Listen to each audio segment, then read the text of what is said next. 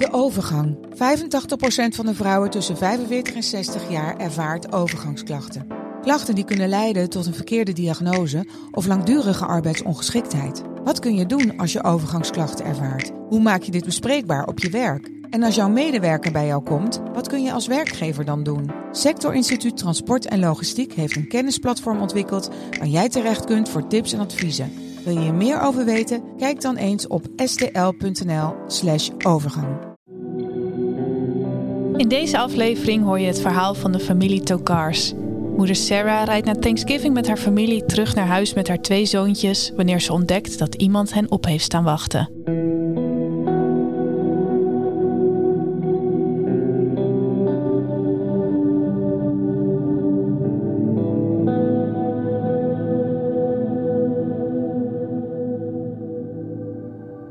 Je luistert naar de laatste aflevering van het vierde seizoen van Ontvoerd.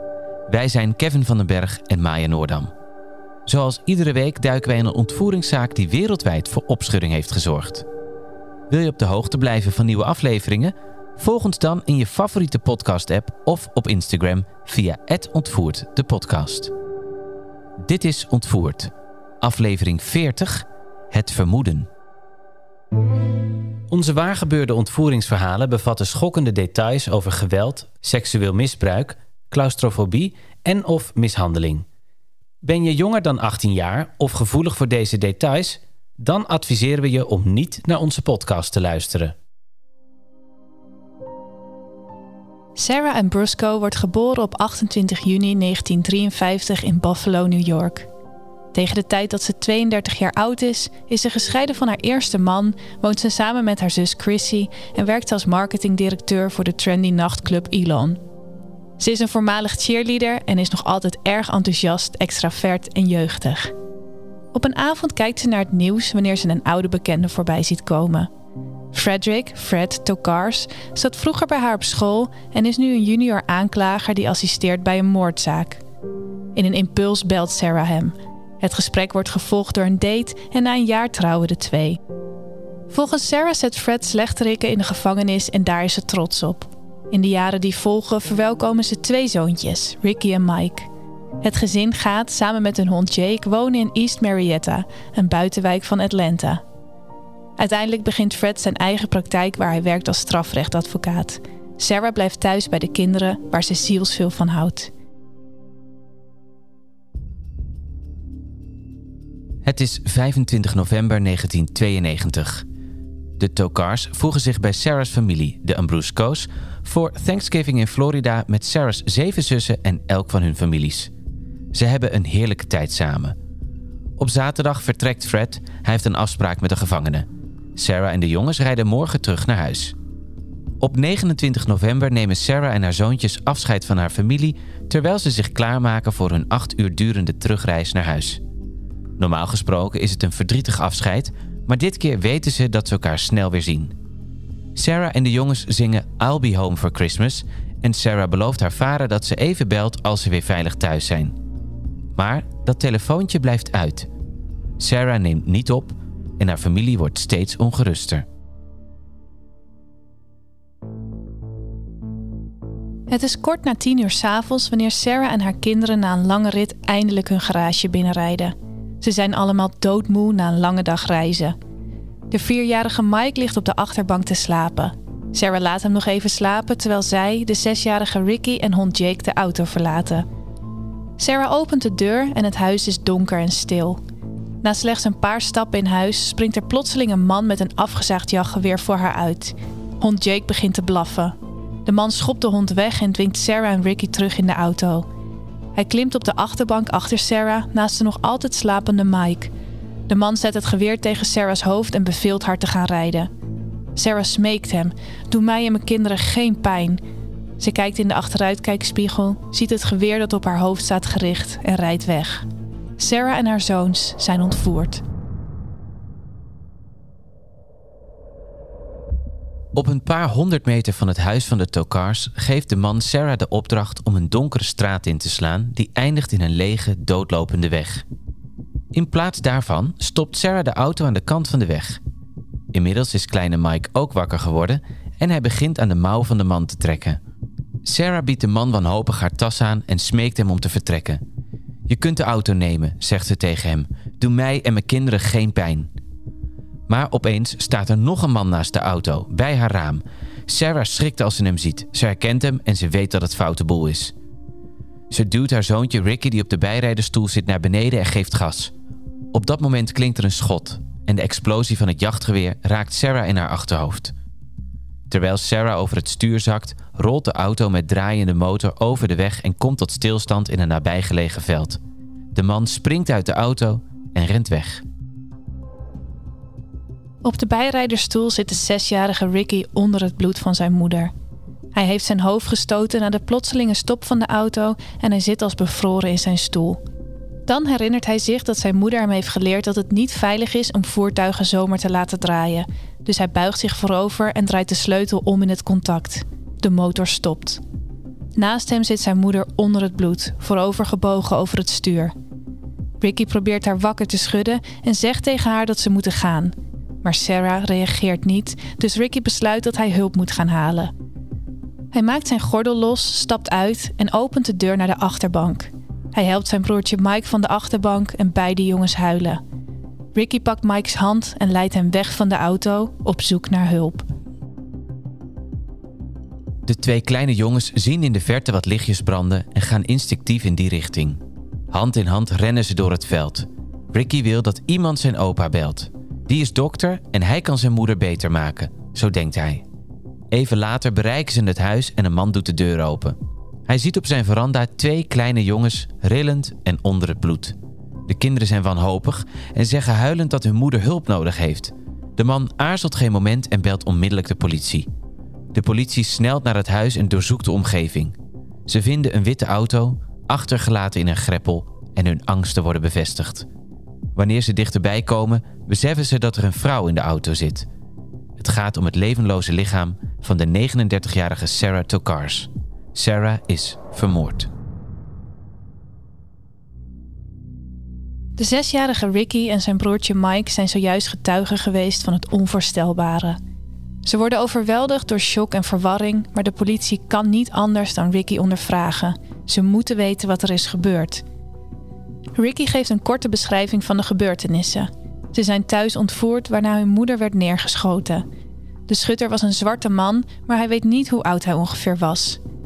Ricky beschrijft het wapen van de man met de afgezaagde loop als piratengeweer. De jongens zijn misschien aan de dood ontsnapt, maar ze zijn nog niet veilig. En als enige getuige van de aanval zijn de regisseurs bang dat de kinderen het volgende doelwit kunnen zijn. Agenten horen van Ricky dat zijn vader Fred de stad uit is voor zijn werk. Rechercheurs ontdekken dat hij in een motel verblijft op ruim 300 kilometer verderop in Alabama. Ze nemen contact met hem op en vertellen hem het verschrikkelijke nieuws dat zijn vrouw is vermoord. Duidelijk van streek door het nieuws stort Fred Tokars in. Hij begint ongecontroleerd te huilen en vertelt agenten hoeveel hij van zijn vrouw houdt. Hij kan niet geloven wat er is gebeurd. Fred is natuurlijk strafrechtadvocaat en dat betekent dat hij regelmatig in contact komt met criminelen. Rechercheurs vragen zich dan ook af of de zaak gekoppeld kan worden aan het werk van Fred. Drie uur lang somt Fred al zijn zakenpartners en klanten op. Maar hij heeft geen idee wie Sarah heeft vermoord. De politie gaat terug naar het huis van de Tokars om eventuele aanwijzingen te zoeken. In eerste instantie lijkt het te gaan om een mislukte inbraak, maar terwijl ze het huis verder onderzoeken, beseffen ze dat er meer aan de hand is. Er zijn geen tekenen van inbraak. De deur van de patio naar de keuken is dan wel ontgrendeld, maar rechercheurs horen dat het slot al kapot was voor die nacht. Hoe meer ze vinden, hoe minder logisch het is. Laden zijn opengetrokken, maar er mist niets uit het huis. En dat er wel eens zeker waardevolle spullen aanwezig zijn die een inbreker ongetwijfeld meegenomen zou hebben. Agenten staan voor een raadsel. Wie heeft de jonge moeder en haar zoons meegenomen bij haar huis? Wie heeft Sarah vermoord? En niet onbelangrijk, waarom? Het onderzoek komt amper verder, tot een maand later. Een vrouw belt de politie om ze te informeren over haar broer, Curtis Rower, een drugsverslaafde met een flink strafblad. Hij was de avond van de ontvoering en moord thuisgekomen met bloed op zijn tennisschoenen en op zijn kleding. Ook had hij feitelijk bekend dat hij een vrouw had neergeschoten. Op 23 december, 24 dagen na de moord op Sarah, wordt Rower gearresteerd. Rechercheurs vermoeden dat hij inderdaad de dader is, maar hebben geen idee wat zijn motief zou kunnen zijn. Ze hebben meer informatie van hem nodig om de waarheid te vinden en de kinderen te beschermen. Tijdens het verhoor vraagt Rower of hij zijn oma mag bellen. Nadat hij heeft opgehangen zegt hij: Mijn grootmoeder zei dat ik de waarheid moest vertellen. Curtis Rower geeft toe dat hij Sarah heeft neergeschoten, maar hij zegt dat hij niet degene is die de aanval heeft gepland. Hij noemt de man van wie hij beweert dat hij hem 5000 dollar voor deze klus heeft betaald. Het gaat om Eddie Lawrence. Lawrence wordt dezelfde dag gearresteerd, maar hij houdt zijn kaken stijf op elkaar. Rechercheurs ontdekken wel al snel dat Eddie Lawrence een bekende is van Fred Tokars. Fred heeft hem juridisch ondersteund en de twee zijn zelfs zakenpartners geworden. De politie heeft eindelijk een connectie gevonden tussen de moordenaar en de Tokars.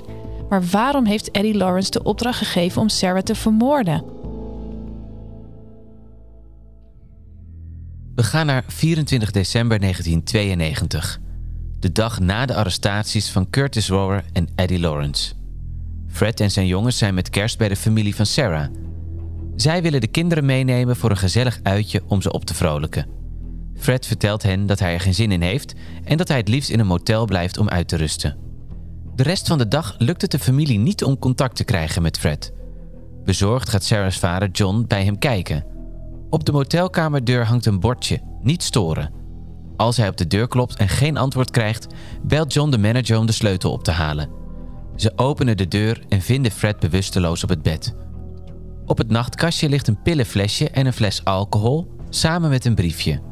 John haast zich naar zijn schoonzoon om hem te reanimeren. Fred wordt met spoed naar het ziekenhuis gebracht, waar artsen zijn leven kunnen redden. Een week later houdt Fred Tokars een persconferentie. Zijn advocaat legt uit dat Fred wanhopig was door het verlies van zijn vrouw.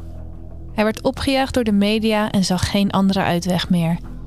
Zelf verklaart Fred dat hij in een diepe depressie terecht was gekomen na het verlies van Sarah. Hij was niet alleen zijn vrouw, maar ook zijn hele levensstijl kwijtgeraakt. Binnen enkele dagen gooit hij zijn leven om.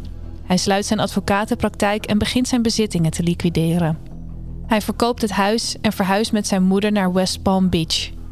Hij laat Ricky en Mike in de zorg van hun grootouders en Sarah's zussen en hij bezoekt de jongens twee keer per maand. Er gaan maanden voorbij zonder enige nieuwe ontwikkeling. Tot juli 1993, acht maanden na Sarah's moord. Eddie Lawrence begint eindelijk samen te werken met de politie. Hij verklaart dat hij is ingehuurd voor de moord op Sarah.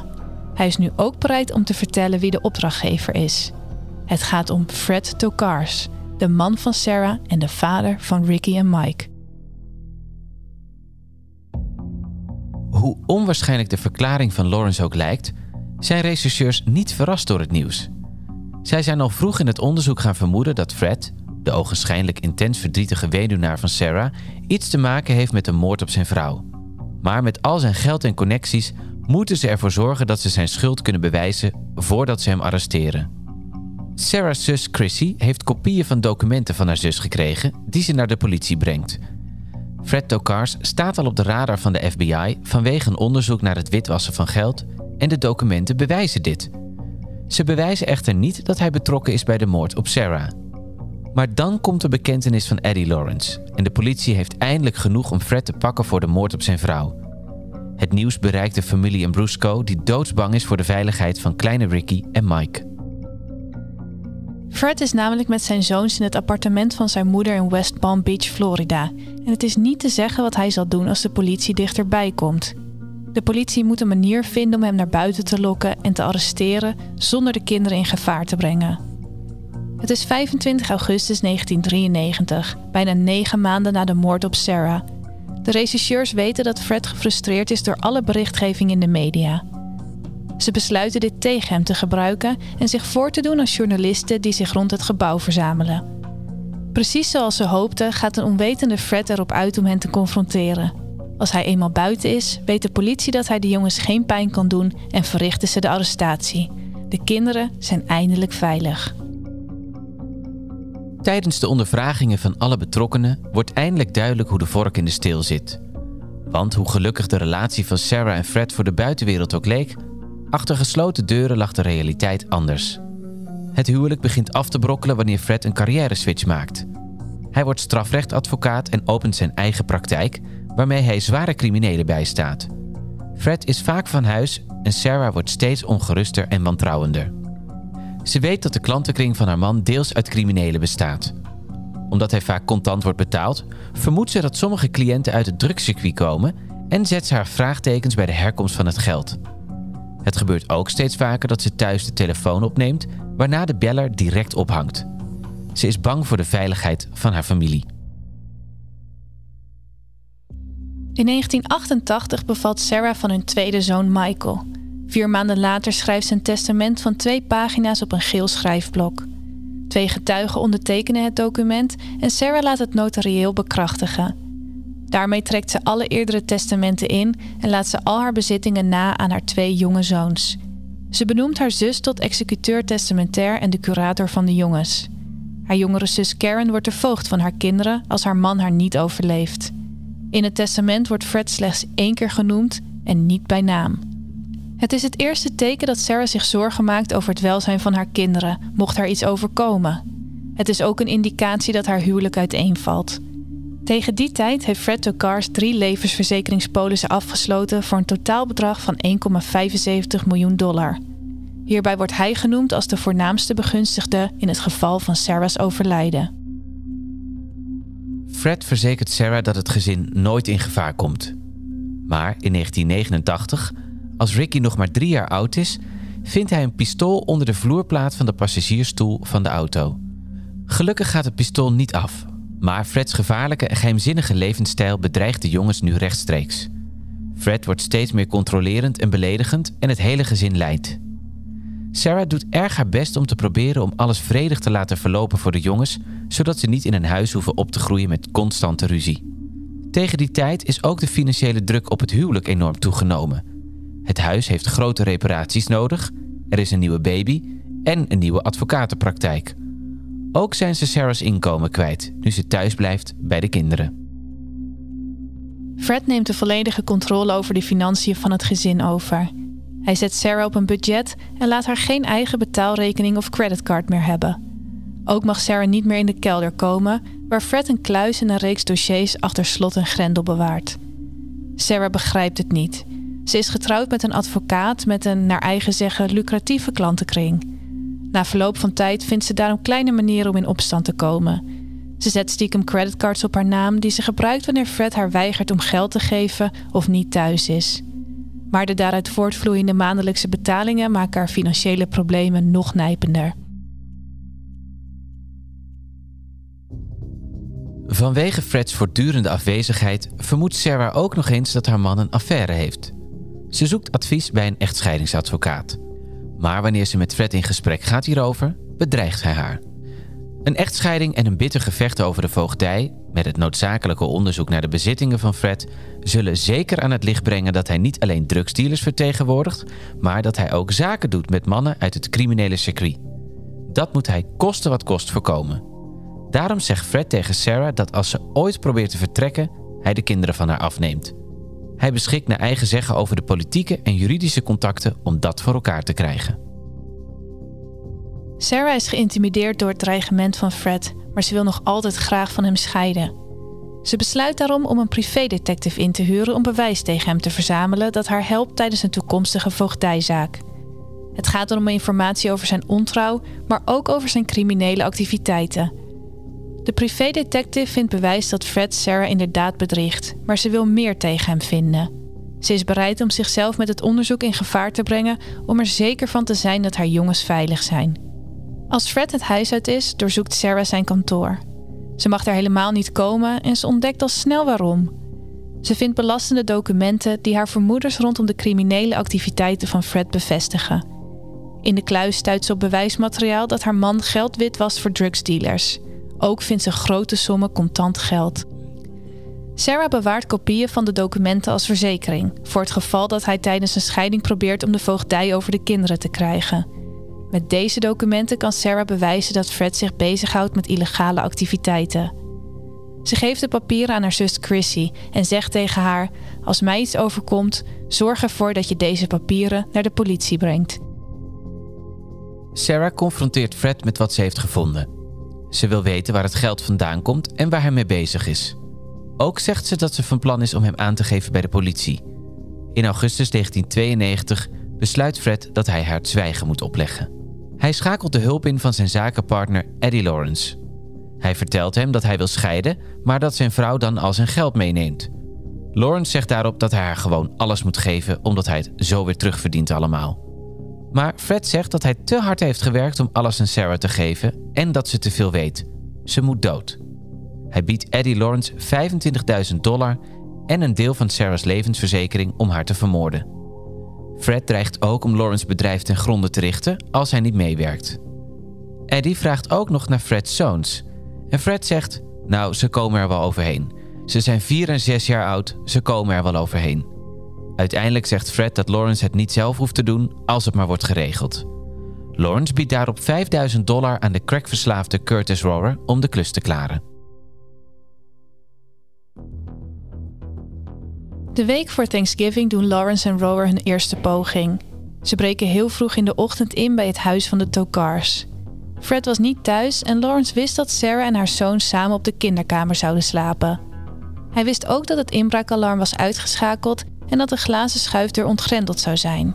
Het slot daarop was kapot, maar Fred had geweigerd om dit te laten maken. Via die deur kwamen ze het huis binnen. Maar toen de twee mannen het huis binnenkwamen, begon Ricky's hond Jake te blaffen. Er ging een licht aan en ze vluchtten de nacht in. De maandag erop belt Fred Lawrence op en zegt dat Sarah de hele week op familiebezoek is en dat ze dood moet zodra ze terugkomt. Met een schot door het hoofd, zodat ze sowieso overlijdt. Fred heeft zelf dan een alibi omdat hij op die dag naar een klant gaat in een gevangenis in Alabama. Niet veel later rijden Sarah en haar jongens naar de Ambrusco's op zo'n 8 uur rijden. Fred neemt zelf het vliegtuig, zoals het eigenlijk altijd ging. Op zaterdag vertrekt hij weer vanwege zijn afspraak, maar hij gaat eerst terug naar huis. Daar ontmoet hij Lawrence en hij vertelt hem dat Sarah zondagavond terugkomt. Dan moet het gebeuren. Fred rijdt de volgende dag zelf naar Montgomery en checkt in bij een hotel. Hij zorgt ervoor dat hij wat telefoontjes pleegt die bevestigen dat hij ver uit de buurt is van zijn eigen huis. Tegen de avond belt hij zijn schoonvader John om te vragen of zijn vrouw en kinderen al onderweg zijn en vervolgens Lawrence om de tijd te bevestigen dat ze thuiskomen. Wanneer Sarah eindelijk thuiskomt, staat Curtis Rower al op haar te wachten. Hij dwingt haar en Ricky in de auto en beveelt haar te rijden. Maar hij weet eigenlijk niet goed wat hij moet doen. Hij is nog steeds niet betaald om haar te vermoorden en hij kan Lawrence plotseling niet meer vinden, want die heeft hem alleen in het huis achtergelaten. Tegen de tijd dat Sarah de oprit verlaat, is Rower ervan overtuigd dat Lawrence hem in de steek heeft gelaten om de vrouw in zijn eentje te vermoorden. Rower is zenuwachtig, schreeuwt obsceniteiten naar Sarah en draagt haar op om hem naar een huisvestingsproject in Atlanta te brengen. Maar even verderop zegt hij dat ze een donkere straat in moet rijden. In plaats daarvan zet Sarah de auto aan de kant van de weg en ze smeekt Rower om haar en de jongens geen pijn te doen. Dan ziet Rower de auto van Lawrence in een zijstraatje staan. In een ogenblik staat Lawrence bij de auto en Rower ziet dat Sarah hem herkent. Dan duwt Sarah haar zoontje naar de grond en geeft gas. Curtis Rower haalt de trekker over en Sarah valt voorover op haar stuur terwijl de auto nog doorrolt. Curtis Rower stapt uit de auto en verdwijnt in de nacht.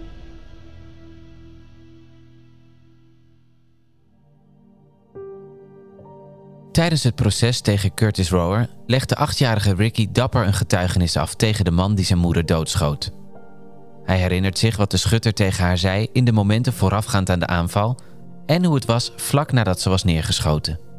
Ricky heeft op zeer jonge leeftijd een onvoorstelbaar trauma meegemaakt. Maar als de verdediging vragen stelt hoe goed een kleine jongen zich kan herinneren wat er is gebeurd, blijft hij stevig in zijn schoenen staan. Met behulp van Ricky's getuigenis wordt Curtis Rower veroordeeld tot levenslang zonder voorwaardelijke vrijlating.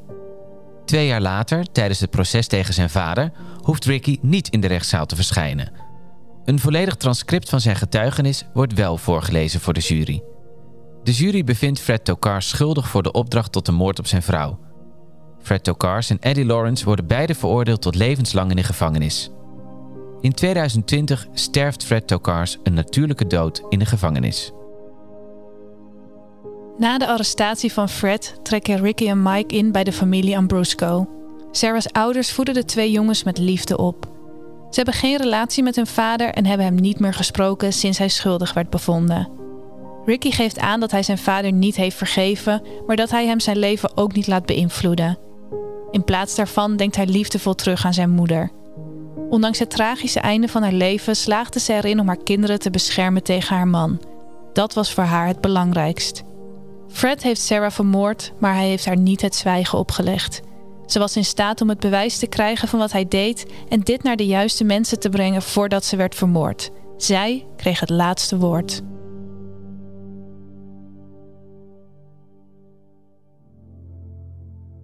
Tot zover het verhaal over de ontvoering van Sarah Tokars en haar zoontjes. Wil je een beeld krijgen bij de familie Tokars en de betrokkenen bij de moord op Sarah? Volg ons dan op Instagram via @ontvoerdepodcast. Vanaf maandag geven we je daar ook beeldmateriaal bij deze zaak. Vanaf januari zijn we terug met ons vijfde seizoen, maar niet getreurd. In december nemen we een speciale aflevering op waarin we napraten over de 40 zaken die we tot nu toe hebben behandeld. Wil je in de tussentijd blijven luisteren naar spannende en indrukwekkende verhalen? Op Storytel vind je talloze luisterboeken en e-books over waar gebeurde misdaadverhalen en spannende thrillers. Onze tips? De Hartland-trilogie van Walter Lucius, een zenuwslopende Nederlandse thrillerreeks. En kijk vooral ook even naar de boeken van de Amerikaanse Harlan Coben, die in een reeks met dezelfde hoofdrolspeler spannende, verrassende verhalen weet neer te zetten waarin je helemaal wordt meegezogen. Normaal gesproken krijg je van Storytel al twee weken gratis, maar als luisteraar van Ontvoerd ontvang je 30 dagen gratis. Ga naar story.tel/ontvoerd.